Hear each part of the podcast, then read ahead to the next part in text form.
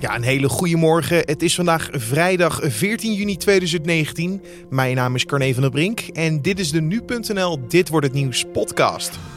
De Wereldgezondheidsorganisatie komt vandaag bijeen om de uitbraak van ebola in de Democratische Republiek Congo en Oeganda te bespreken. Zo wordt er onder meer overlegd of het nodig is om een internationale noodsituatie voor de volksgezondheid uit te roepen.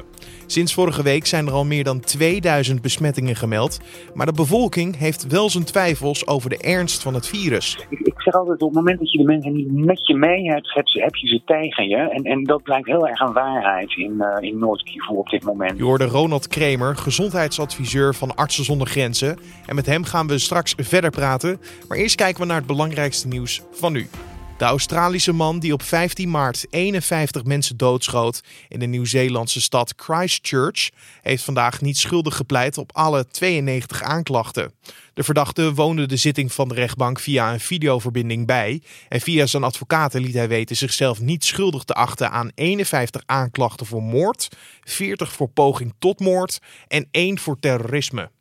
De rechter maakte bekend dat het proces tegen de verdachte pas op 4 mei volgend jaar zal beginnen. Dat komt volgens de rechter vanwege de schaal en complexiteit van de zaak. Volgens de rechter heeft het psychologisch onderzoek uitgewezen dat de verdachte mentaal in staat is om berecht te worden.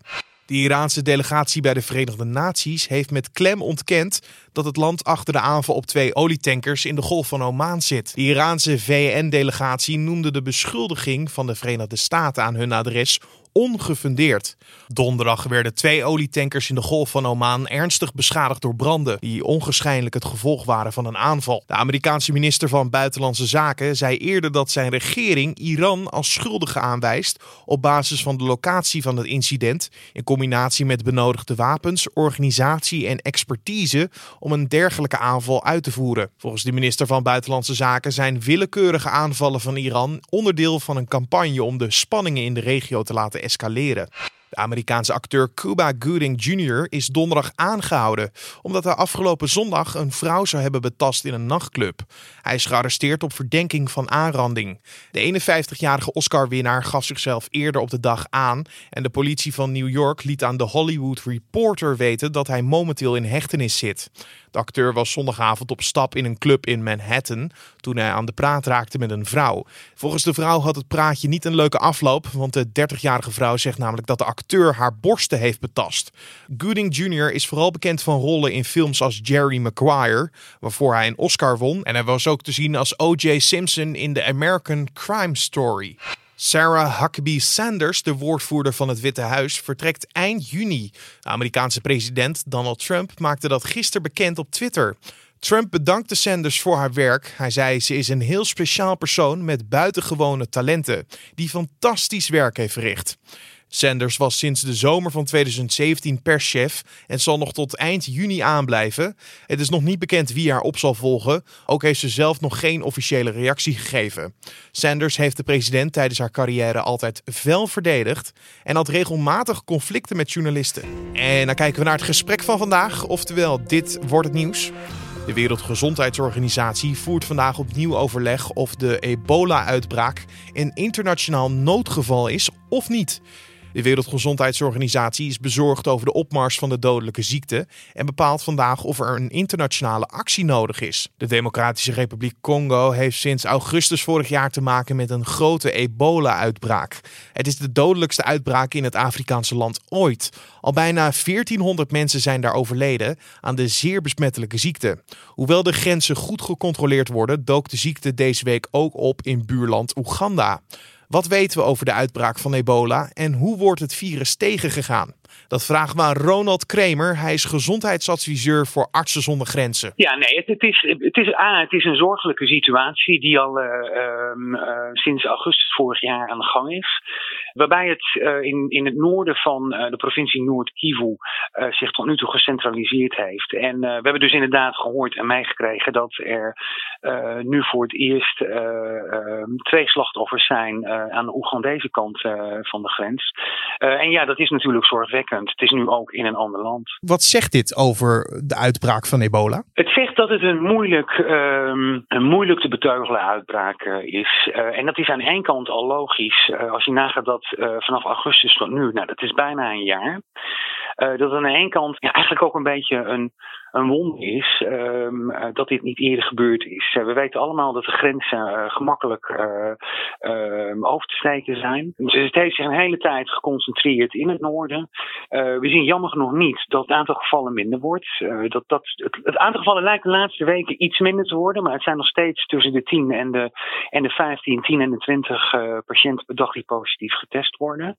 Um, en wat een groot probleem is, dat we nog steeds veel mensen zien die in een samenleving overlijden. En na hun overlijding pas uh, de diagnose ebola krijgen door een test. En die dus nooit naar een ebola-behandelcentrum zijn geweest. Ja, dat betekent dat heel veel mensen te laat zijn of te laat aankomen uh, in een kliniek. Maar hoe kan het dat we hebben. Eh, verleden tijd hebben we veel gehad over ebola en de uitbraak. Dan heb ik het misschien over 2014, 2015. Toen was het wereldnieuws. Toen appte het voor mijn gevoel een beetje weg. En nu is het weer helemaal terug, lijkt het. Hoe kan dat? Ik, ik, denk dat het kan doordat dat, uh, dat we op dit moment over de 2000 uh, uh, slachtoffers hebben. Twee, over de 2000 zieken door ebola. Um, en, en ik denk ook dat er internationaal ja, weer meer aandacht komt voor, door het feit dat er nu twee slachtoffers zijn in, in, in, in Oeganda. Um, um, we hebben vorig jaar, en volgens mij was het begin 2018, ook een kleine uitbraak gehad in een provincie Equatoria in Congo. Eh, die uiteindelijk vrij snel ingedampt werd. Dit, is, dit, dit gaat nu langer.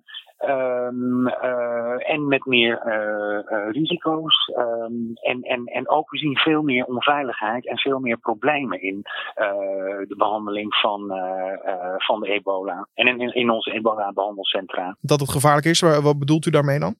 Het gebied, het, het Noord-Kivu staat bekend om, om de vele militia's die daar um, tekeer gaan. Um, dus dat is, er zijn gebieden waarin heel erg moeilijk te komen is, uh, omdat het gevaarlijk is. Dat is één kant van de zaak. En de andere kant van de zaak is toch uh, de weerstand die we in de bevolking zien. Um, en er zijn gezondheidsmedewerkers lastiggevallen of aangevallen. Um, twee maanden geleden is iemand van de Wereldgezondheidsorganisatie doodgeschoten tijdens een vergadering. en er zijn een aantal gevallen, een aantal aanvallen geweest op ebola-centra die in de brand gestoken zijn. Dus het is wat dat betreft geen veilige omgeving om, om te werken aan één kant. Uh, en aan de andere kant uh, ja, merken we die weerstand tijdens de bevolking ook, uh, ook heel erg sterk. en die maakt het zeker niet gemakkelijk. Nee, u bent vorige maand nog in de Democratische Republiek Congo ja. geweest. Wat merkte u er toen van? Nou, op, op zich van de ziekte zelf weinig. Ik, ik ben in Goma geweest, uh, dat is de hoofdstad van uh, Noord-Kivu. Uh, daar merk je wel heel sterk dat grenscontroles verscherpt zijn. er zijn overal punten waar je je handen moet wassen, waar je temperatuur met een infrarode thermometer opgenomen wordt. dus wat dat betreft merk je verscherpte controles. Um, in, in, in de stad Goma zelf um, in eerste instantie weinig.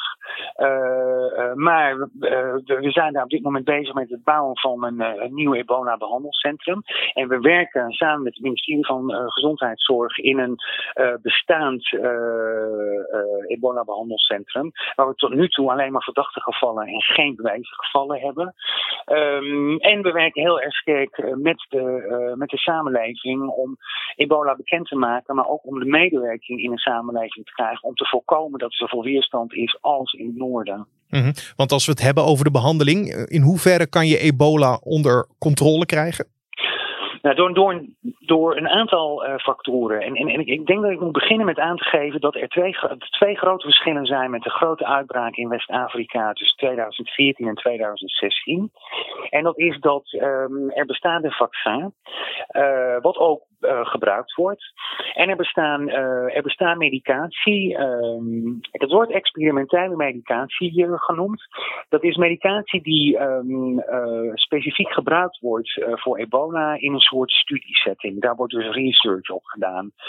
Ehm, dus er zijn meer mogelijkheden voor, uh, voor patiënten. En wat dat betreft is het ook zo jammer dat mensen uh, te laat of niet in ebola-centra aankomen. Want ja, de behandelingen zijn dus. Uh, er is meer behandeling mogelijk dan drie jaar geleden. Tegelijkertijd weten we ook dat mensen veilig begraven moeten worden. Ehm, dat er laboratoriumcapaciteit moet zijn, dat contacten van ebola-patiënten opgevolgd moeten worden om te kijken of ze ziek worden, maar ook om ze te vaccineren. Ehm, er moeten ebola-behandelcentra zijn en er moet uh, uh, kennis zijn onder de bevolking van wat te doen als je ebola-symptomen hebt. En pas als je dat hele pakket implementeert, als dat hele pakket goed, goed gevolgd wordt, uh, dan zul je ook zien dat het aantal gevallen naar beneden gaat. Maar die kennis of de wil daarvoor is er op dit moment nog niet genoeg? Nee. En um, ik, ik, denk ook met name dat in het noorden dat uh, de bevolking, de weerstand in de bevolking, uh, komt door een deel doordat ebola ontkend wordt. Het bestaat niet. een deel doordat ebola onbekend wordt, maar ook een deel doordat er geruchten rondom ebola heersen. Er is gezegd, ebola is geïmporteerd door, door Kinshasa, door mensen uit Kinshasa, om te voorkomen dat wij zouden gaan stemmen. Um, er werd gezegd, er zijn al, al jarenlang, al, al decennia lang, gaan moeders dood, uh, uh, overlijden vaders, gaan kinderen dood aan mazelen, gaan kinderen dood aan malaria, gaan kinderen dood aan ondervoeding. En er, zijn, er is zogenaamd ebola en, en daar komt, komen de mensen aan van buiten onze provincie in hun witte auto's om ons te zeggen wat we moeten doen. Dus er is een heel scala aan redenen waarom het zo moeilijk is en waardoor de weerstand in de bevolking zo groot is. Mhm. Dus eigenlijk dit virus moet van buitenaf serieus genomen worden, het ebola-virus, maar ook binnen de landgrens. Ja, ik, ik, ik, denk dat je dat inderdaad heel erg mooi gezegd hebt. Het moet van, van, van buitenaf uh, moet er, moeten er een aantal dingen aangeboden worden. Uh, van, van informatie uh, tot, tot overleg met, met, met, in de samenleving, tot het opzetten van centra, et cetera. en tegelijkertijd moeten mensen ook uh, willen komen naar je ebola-centrum. En ik, heb, ik, ik zeg altijd, op het moment dat je de mensen niet met je mee hebt, heb, je ze tegen je. En, en dat blijkt heel erg een waarheid in, uh, in Noord-Kivu op dit moment. Je hoorde Ronald Kremer, gezondheidsadviseur voor Artsen zonder Grenzen. En dan nog even een korte blik op de agenda voor de rest van de dag. Want Wikileaks-oprichter Julian Assange staat mogelijk per videolink voor een rechter in Londen om te horen of hij wordt uitgeleverd aan de Verenigde Staten.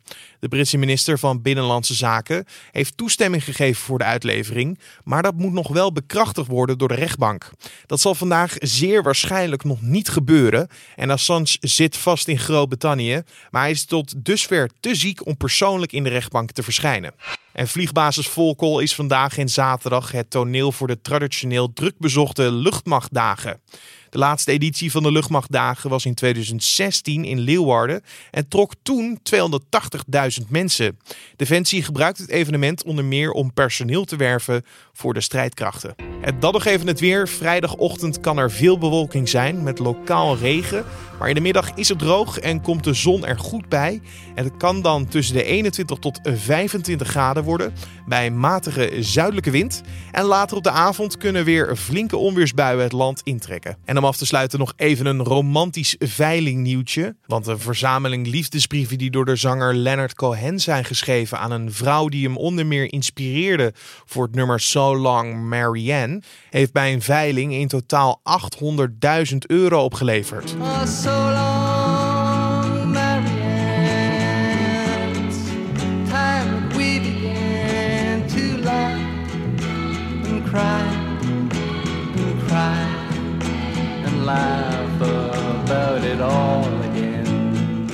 Volgens Veilinghuis Christie's zijn er ruim 50 brieven voor meer dan vijf keer de verwachte waarde onder de hamer gegaan. De in november 2016 op 82-jarige leeftijd overleden singer-songwriter schreef de brieven aan de Noorse Marianne Island, die hem zou inspireren tot meerdere liedjes. De brieven dateren uit de jaren 60 en werden beschikbaar gesteld door de familie van Island. In de brieven beschrijft Cohen zijn ontwikkeling van aspirerende dichter naar beroemd muzikant. Ook heeft hij het over de eenzaamheid van Roem. En dit was dan de Dit wordt het nieuws podcast voor deze vrijdag 14 juni. Je vindt de podcast natuurlijk elke maandag tot en met vrijdag om 6 uur ochtends op de voorpagina. En elke vrijdagmiddag hebben we ook een afsluiter. Dan publiceren wij de week van nu onze openbare redactievergadering op de vrijdagmiddag. Ga daar zeker naar luisteren. Zal ongeveer rond 3 of 4 uur op de voorpagina staan. En ook natuurlijk in deze podcast feed. Laat ons weten wat je van deze podcast vond. Dat kan je doen via een mailtje naar podcast.nu.nl of laat een recensie achter in iTunes. Mijn naam is Carne van de Brink. Voor nu wens ik je een hele mooie vrijdag, een mooi weekend en mij hoor je maandag weer. Tot dan!